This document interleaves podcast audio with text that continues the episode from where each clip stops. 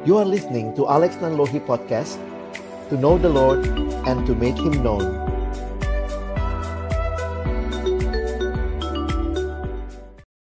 Saudara yang dikasihi Tuhan, pembacaan firman Tuhan pada siang hari ini sama-sama kita akan melihat di dalam Amsal 16. Amsal 16 di dalam ayatnya yang ke-18 sampai dengan yang ke-20. Amsal 16 ayat yang ke-18 sampai dengan ayat yang ke-20. Jika saudara sudah menemukan, mari kita membaca bergantian ayat yang ke-18 oleh pria dan ayat yang ke-19 oleh perempuan. Kita bergantian sampai ayat ayat 20-nya kita akan baca bersama-sama. Pria, wanita dan 20 kita baca bersama-sama. Pria akan mulai satu dua iya. Kecongkakan mendahului kehancuran dan tinggi hati mendahului kejatuhan.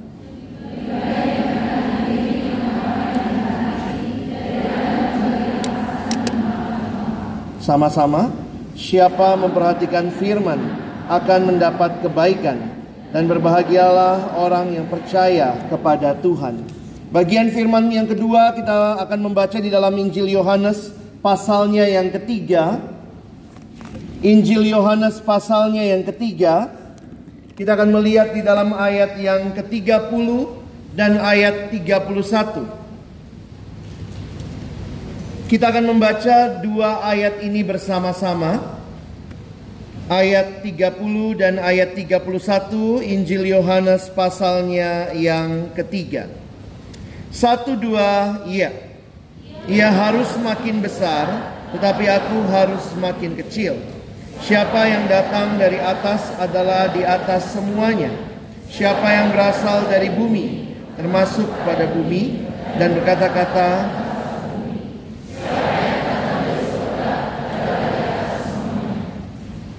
Sedemikian jauh pembacaan firman Tuhan berbahagialah kita yang bukan hanya membacanya tapi merenungkan dan menerapkannya dalam hidup kita sehari-hari. Saudara yang dikasihi Tuhan, tema yang diberikan untuk kita pikirkan pada hari ini adalah kian berisi, kian merunduk.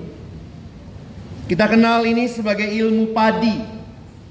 Padi yang tegak biasanya dalamnya kosong, Saudara. Tetapi ketika isinya makin banyak, maka dia akan merunduk begitu rupa. Apa yang kita baca di dalam firman Tuhan hari ini mengingatkan kita bahwa Tuhan menentang orang-orang yang congkak. Saudara, satu dosa yang menjadi hal yang mengerikan, yang menjadi kejatuhan awal manusia juga adalah kesombongan. Kalau saudara melihat apa yang dituliskan di dalam Amsal ini, Kecongkakan mendahului kehancuran. Karena Amsal adalah puisi, maka paralelnya congkak tinggi hati. Kehancuran, kejatuhan. Lalu kemudian dituliskan lebih baik merendahkan diri dengan orang yang rendah hati daripada membagi rampasan dengan orang congkak. Peringatan yang disampaikan di dalam kitab Amsal secara khusus ada begitu banyak hal yang kita diingatkan tentang kesombongan, kecongkakan. Inilah realita manusia yang sering kali lupa diri. Dan ketika manusia lupa diri, lupa Tuhan, lupa sesama, manusia memikirkan bahwa dirinya lah segala-galanya.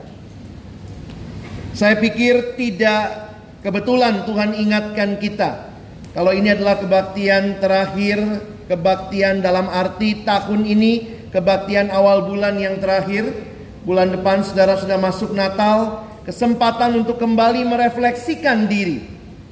Apa yang sudah kita capai selama ini dan bagaimana pencapaian itu mengingatkan kita bahwa sebenarnya semua yang kita miliki asalnya dari Tuhan saja. Tidak mudah saudara untuk menghidupi prinsip yang sederhana ini.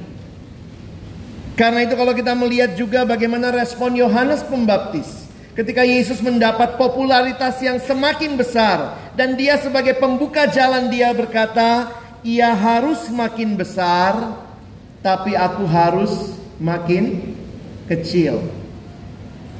Uki hebat. Tapi apakah orang melihat Tuhan yang disembah Uki itu yang jauh lebih hebat? Ada realita hidup manusia yang suka lupa diri, saudara. Saya ingat ada seorang hamba Tuhan pernah memberikan ilustrasi. Dia mengatakan kita itu sebenarnya harus belajar menerima segala sesuatu dengan tangan terbuka. Kadang-kadang manusia merasa I deserve it. Kita menerima segala sesuatu dengan tangan yang tergenggam. Jadi kalau satu waktu Tuhan bilang maaf, masa pakainya sudah selesai, saya ambil ya. Kita tarik-tarikan Tuhan ini punya saya. Tuhan bilang ini saya pinjamkan. Jangan lupa, begitu banyak hal yang Tuhan pinjamkan bagi hidup kita. Sebenarnya di dalam kekristenan harusnya saudara dan saya mengerti konsep kita bukan ownership. Kita bukan pemilik. Pemiliknya adalah Tuhan. Kita cuma penata layan, stewardship. Karena itu dalam kepemimpinan di dalam masa ini orang sering kali berbicara lebih jauh lagi tentang stewardship. Bagaimana menjadi penata layan yang bertanggung jawab tapi tetap menyadari it's all from the owner and that's why it's all for the owner's owner's glory not my glory. Di sini banyak mahasiswa juga, ada yang ngekos di sini? banyak ya. Kelihatan kok mukanya ya. Saudara, saya coba bayangkan ya. Ini ada ilustrasi. Saudara coba bayangkan jangan dilakukan. Do not try this at cost. Ya, tapi coba bayangkan. Misalnya kalau saudara kos, biasanya orang kos berapa kamar saudara? Satu. Ada yang kos sampai tiga kamar. Satu kamar sepatu, satu kamar baju, kontrak mendingan saudara, ya. Coba kalau misalnya saudara kos satu kamar ya. Lalu saudara biar seru bikin pengumuman. Tapi biar seru tunggu jam 12 malam. Saudara keluar dari kamar kosmu lalu kasih pengumuman. Hai semua penghuni kos. Tunggu sampai orang-orang keluar dari kamar. Ada apa ini? Ada apa ini? Semua keluar. Sudah keluar, sudah kumpul semua. Oke. Saya mau kasih pengumuman. Pengumumannya apa? Mulai malam ini, kosan ini punya saya. Kalau saudara begitu, kira-kira teman kosmu bilang saudara, Kasihan ya mahasiswa kok ritik. eh, karena saudara teriak-teriak malam-malam datang ibu kosnya. Tante pemilik kos. Ada apa nak kok teriak-teriak malam-malam? Saya baru kasih pengumuman tante. Baru dua menit yang lalu. Apa itu? Tante, mulai malam ini. Kosan ini punya saya. Ibu kos juga pasti bilang saudara. Gila. Dan puncak kegilaanmu malam ini adalah kau bilang, mulai malam ini, tante, keluar dari sini. Logis apa tidak? Logis saudara? Tidak. Siapa yang boleh ngusir? Yang punya kos atau yang ngekos? Di mana-mana juga yang punya kos yang bisa ngusir. Kalau saudara bisa tertawa, bukankah sering kali itu sikap kita? Siapa yang punya semua ini? Tuhan. Siapa yang punya prestasi-prestasi saudara? Tuhan. Ya terus kita bilang apa? Ini semua punya saya. Tuhan dari surga, ih gila. Dan manusia dalam kegilaannya berkata, Tuhan keluar dari hidupku.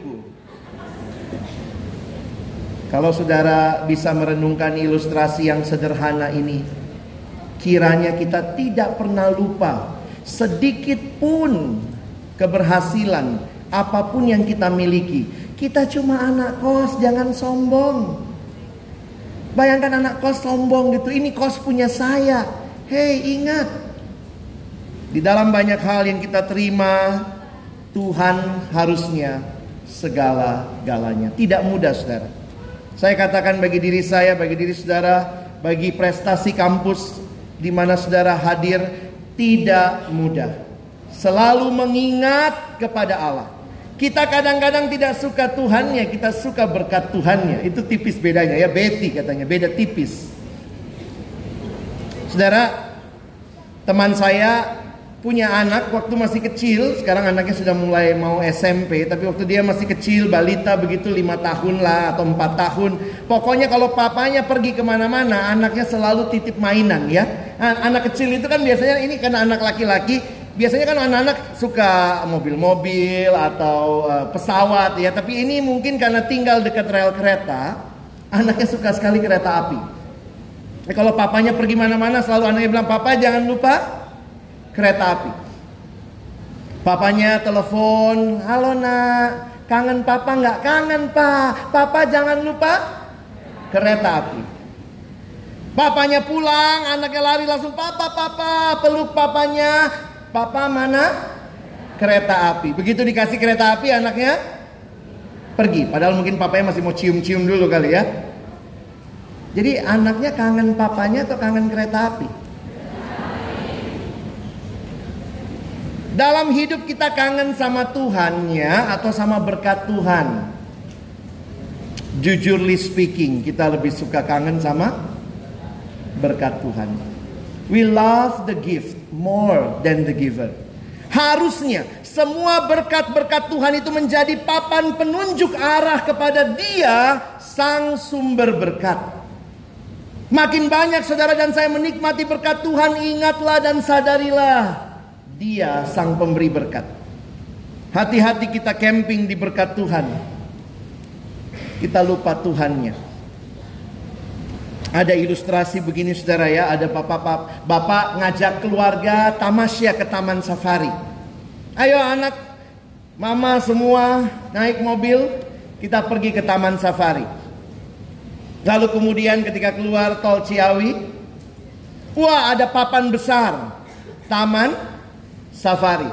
Ada gambar monyetnya, ada gambar gajahnya, ada gambar uh, tamannya, ada semua hewan-hewannya lengkap di situ, di gambar itu. Lalu papanya bilang, "Mari kita berhenti." Lalu mereka berhenti di situ, pasang tenda, katanya sudah sampai di taman safari. Mereka camping di bawah billboard taman safari. Padahal di situ ada tulisan Taman Safari 10 kilo lagi. Kalau saudara dan saya hanya berhenti di berkat Tuhan, kita hanya camping di bawah billboard. Betapa indahnya hidup dalam Tuhan.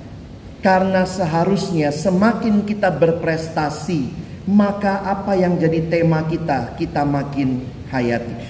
Thank you Lord, is all by your grace. Makin tunduk, makin taat, makin menikmati Tuhan. Saudara kita hidup dalam persaingan yang luar biasa. Semua diukur dengan peringkat. Prestasi saya baca tadi luar biasa Uki meningkat begitu rupa secara prestasi di dalam um, data yang dikeluarkan Dikti lalu kemudian prestasi teman-teman mahasiswa yang sangat membanggakan tapi apa yang harusnya membedakan kita sebagai universitas Kristen? Saya pikir tidak kebetulan ada Kristennya di situ ya. Tapi itu menunjukkan kepada kita ada yang harus berbeda. Firman Tuhan mengingatkan kita. Dan bagian yang juga saudara tentunya sangat kenal, Markus 10 42 sampai 45. Waktu membaca bagian ini saudara bisa lihat saya tuliskan di depan.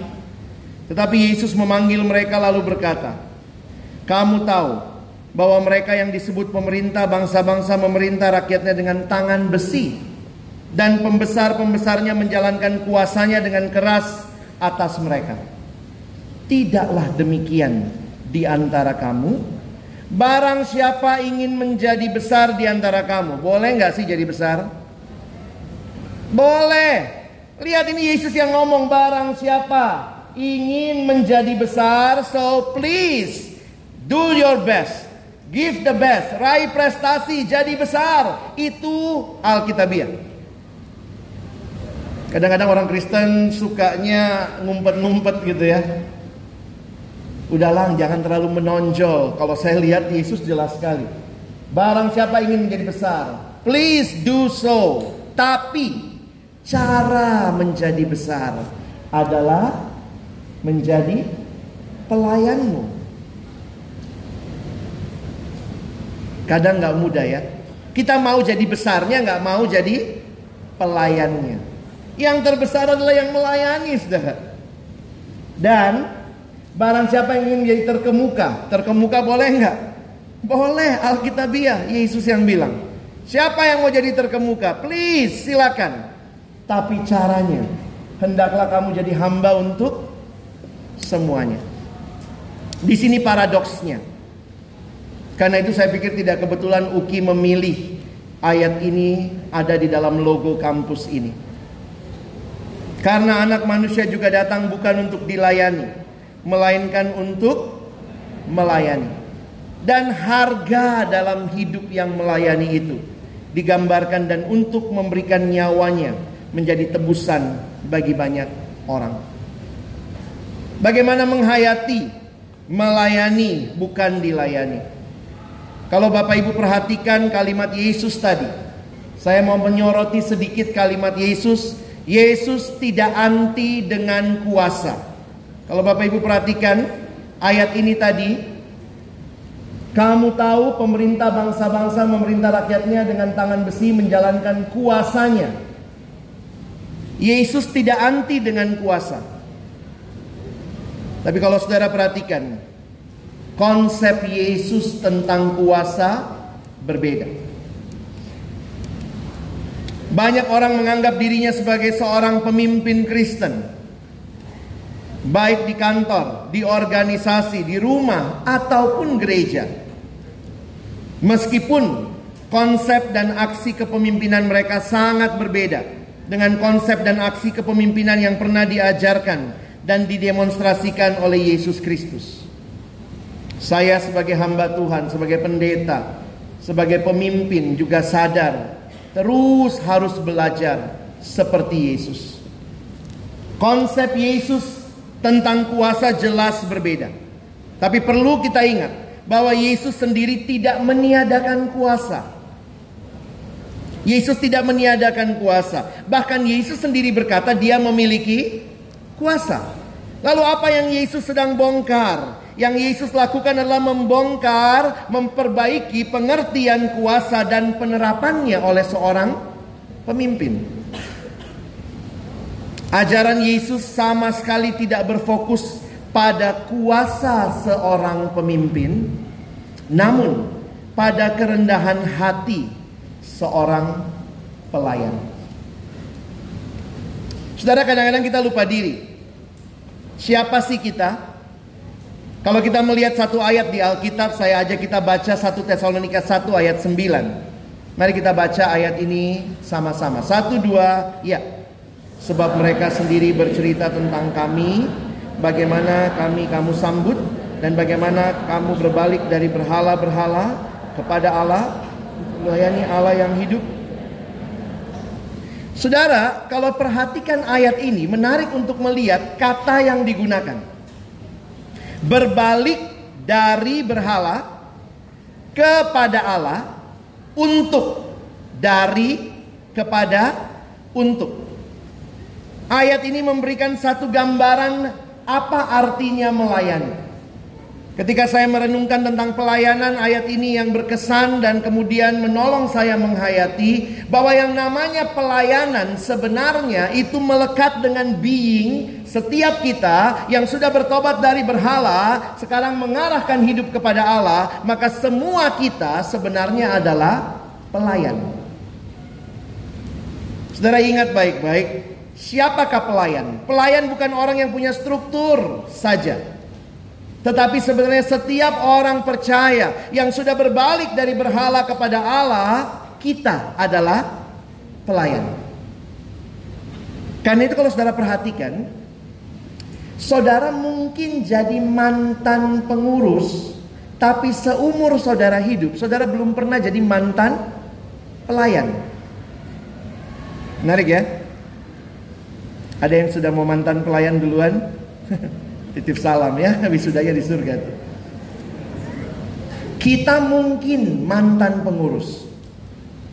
Tapi seumur kita hidup, kita belum pernah mantan pelayan. Karena itu kalau selesai kepengurusan, nanyanya apa?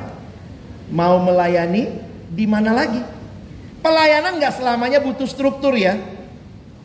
Coba lihat di Alkitab, saudara bisa buktikan sama saya. Yesus pernah jadi pengurus nggak? Hmm? Ada ayat Yesus marilah rapat pengurus. Nggak ada. Kalau istilah universitas marilah raker. ada yang jadi pengurus itu di Alkitab itu Farisi. Sorry ya. Saya nggak pernah lihat Yesus jadi pengurus. Tapi banyak orang cuma punya jabatannya, tidak punya hati pelayannya. Itu sedih. Yang indah adalah kalau saudara punya strukturnya, saudara juga punya hatinya. Tapi tanpa struktur pun, kalau kita sadar bahwa hidup kita adalah seorang pelayan, maka kita akan terus melayani. Kadang-kadang sekarang kalau dibilang melayani Tuhan, oh itu pendeta, oh itu dia pakai dia struktur dia majelis. Itu yang hamba Tuhan itu itu hamba Tuhan. Kalau saya mah hamba uang begitu. Saudara hambanya siapa? Setiap kita yang ditebus, kita adalah hamba Tuhan. Miliknya Tuhan. Melayani Tuhan. Karena itu ada pertanyaan yang menarik untuk kita diskusikan walaupun ini debatable ya. Saudara setujunya yang mana kalau begitu? Pelayan yang memimpin atau pemimpin yang melayani? Kalau kita bicara pemimpin, seolah-olah memang basic identity kita, saya pemimpin. Lalu saya melayani. Tapi kalau lihat ayat tadi, saya dan saudara adalah pelayan. Saya akhirnya sadar betul saudara ya. Yang pemimpin lalu jadi pelayan itu cuma Yesus. Dia yang turun dari surga, dia pemilik segala-galanya, dia turun melayani. Itulah teladan pemimpin yang melayani. Kita ini kalau lihat yang tadi, kita kan pelayan. Makanya ada kalimat begini. Pemimpin pelayan atau servant leader bukanlah pemimpin yang melayani, namun pelayan yang memimpin. Cerna dulu kalimat ini. Karena mungkin ini bertentangan dengan konsep kita selama ini. Ia bukanlah seorang pemimpin lalu merelakan diri untuk melayani orang lain. Namun, ia pertama-tama seorang pelayan, seorang hamba Allah, lalu terpanggil untuk memimpin. Saya pernah jadi pimpinan di lembaga tempat saya melayani. Satu pagi saya lihat ruangan kotor, saya ambil sapu, saya nyapu. Waktu saya nyapu, kemudian ada teman yang datang, oh, udah kak, udah kak, saya aja, saya aja. Saya bilang, kenapa memangnya? Memangnya pemimpin nggak bisa nyapu, nggak boleh nyapu. Tapi kakak kan adalah pimpinan. Jangan nyapu itu bagian orang lain, biar nggak ambil kerjaan orang ya. Tapi di sisi lain yang saya perhatikan, ternyata saya bukanlah, jadi saya bukan pemimpin lalu sok-sok merendahkan diri. Lihat saya nih, saya pelayanan nih ya. Ada kadang-kadang orang mencoba merendahkan diri untuk meninggikan mutu. Jadi pura-pura itu namanya merendahkan diri papan loncat. Makin rendah, makin rendah, twing, naiknya makin tinggi. Nah itu biasanya tanpa kita sadari, kita suka merasa begini. Luar biasa saya ini sudah berkorban. Sebenarnya kalau sudah berkorban puji Tuhan itu saudara dan saya sebagai pelayan memang harus berkorban. Kita bukan orang yang punya jabatan lalu kemudian kita turunkan diri, sok-sok merendahkan diri tapi benar-benar tantangan ayat tadi menolong saya melihat Tuhan, saya ini cuma seorang pelayan. Makanya Paulus bilang begini ya, kita baca sama-sama. Satu dua ya. Saudara-saudara, Memang kamu telah dipanggil untuk merdeka, tapi janganlah kamu mempergunakan kemerdekaan itu sebagai kesempatan untuk kehidupan dalam dosa, melainkan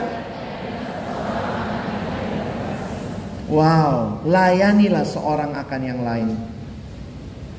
Saya harap kita tidak hanya mengingat hari ini Tuhan yang besar, tapi mari tiru apa yang menjadi nilai pelayanannya. Sebagai pelayan-pelayan, mari belajar melayani, belajar merendahkan diri. Kenapa? Itu panggilan kita. Kadang-kadang, kalau saya lihat, misalnya saya jadi ketua, lalu kemudian saya punya anak buah. Memang, kalau distrukturkan, bapak buah di atas, ya, anak buah di bawah, kan? Jadi, misalnya saya satu, terus pengurus ke bawah. Tapi sebenarnya, secara Kristiani, saya bukannya punya 20 anak buah. Saya punya 20 orang yang harus saya layani. Cuman kan lucu aja kalau di struktur ditaruh di yang paling bawah gitu ya. Bapak buah kan biasanya di atas. Akhirnya saya jadi sadar tidak mudah melayani. Saudara ingat dan tahu ini tentunya Nilai UKI katanya rendah hati Betul? Berbagi peduli Betul? Disiplin profesional, bertanggung jawab, berintegritas.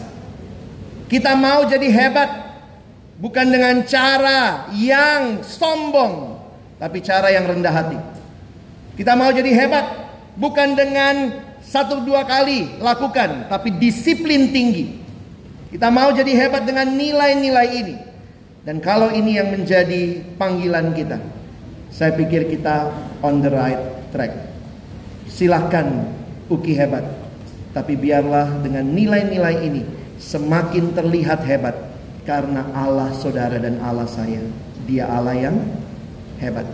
Makin berprestasi, makin menunduk.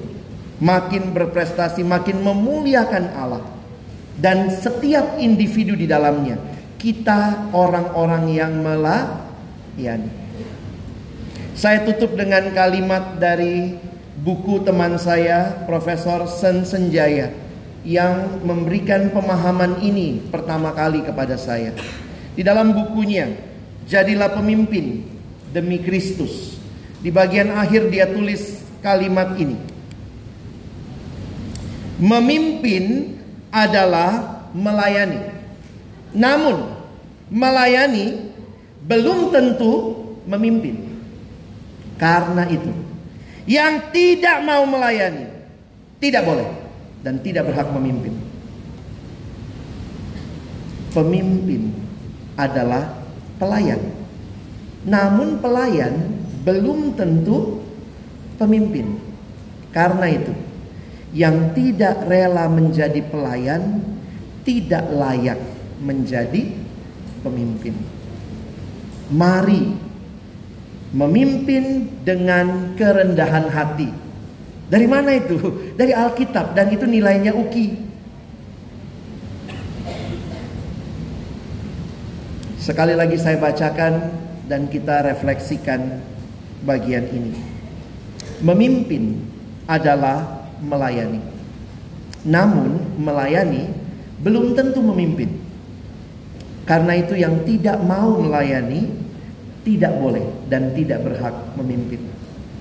Pemimpin adalah pelayan. Namun pelayan belum tentu pemimpin. Yang tidak rela jadi pelayan tidak layak untuk memimpin. Mari pimpinlah dunia ini dengan prestasi, tapi dengan hati yang senantiasa rela melayani. Amin. Mari kita berdoa.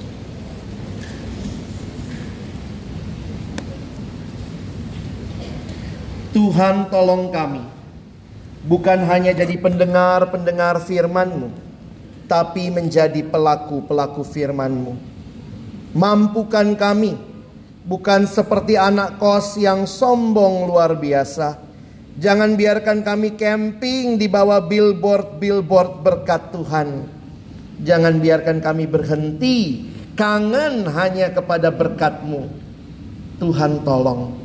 Semua yang kami nikmati, kami alami, mengingatkan kami, menunjukkan kami terus kepada Tuhan kami yang hidup, yang hebat, yang luar biasa. Dan biarlah setiap kami yang ada di dalam kampus ini, setiap jenjang yang ada, benar-benar punya hati seorang pelayan yang berlomba-lomba melayani satu dengan yang lain. Karena itulah kunci kebesaran yang sejati. Terima kasih Tuhan. Tolong kami bukan cuma jadi pendengar firman, mampukan kami menjadi pelaku-pelaku firman-Mu. Dalam nama Yesus kami bersyukur, kami berdoa. Amin.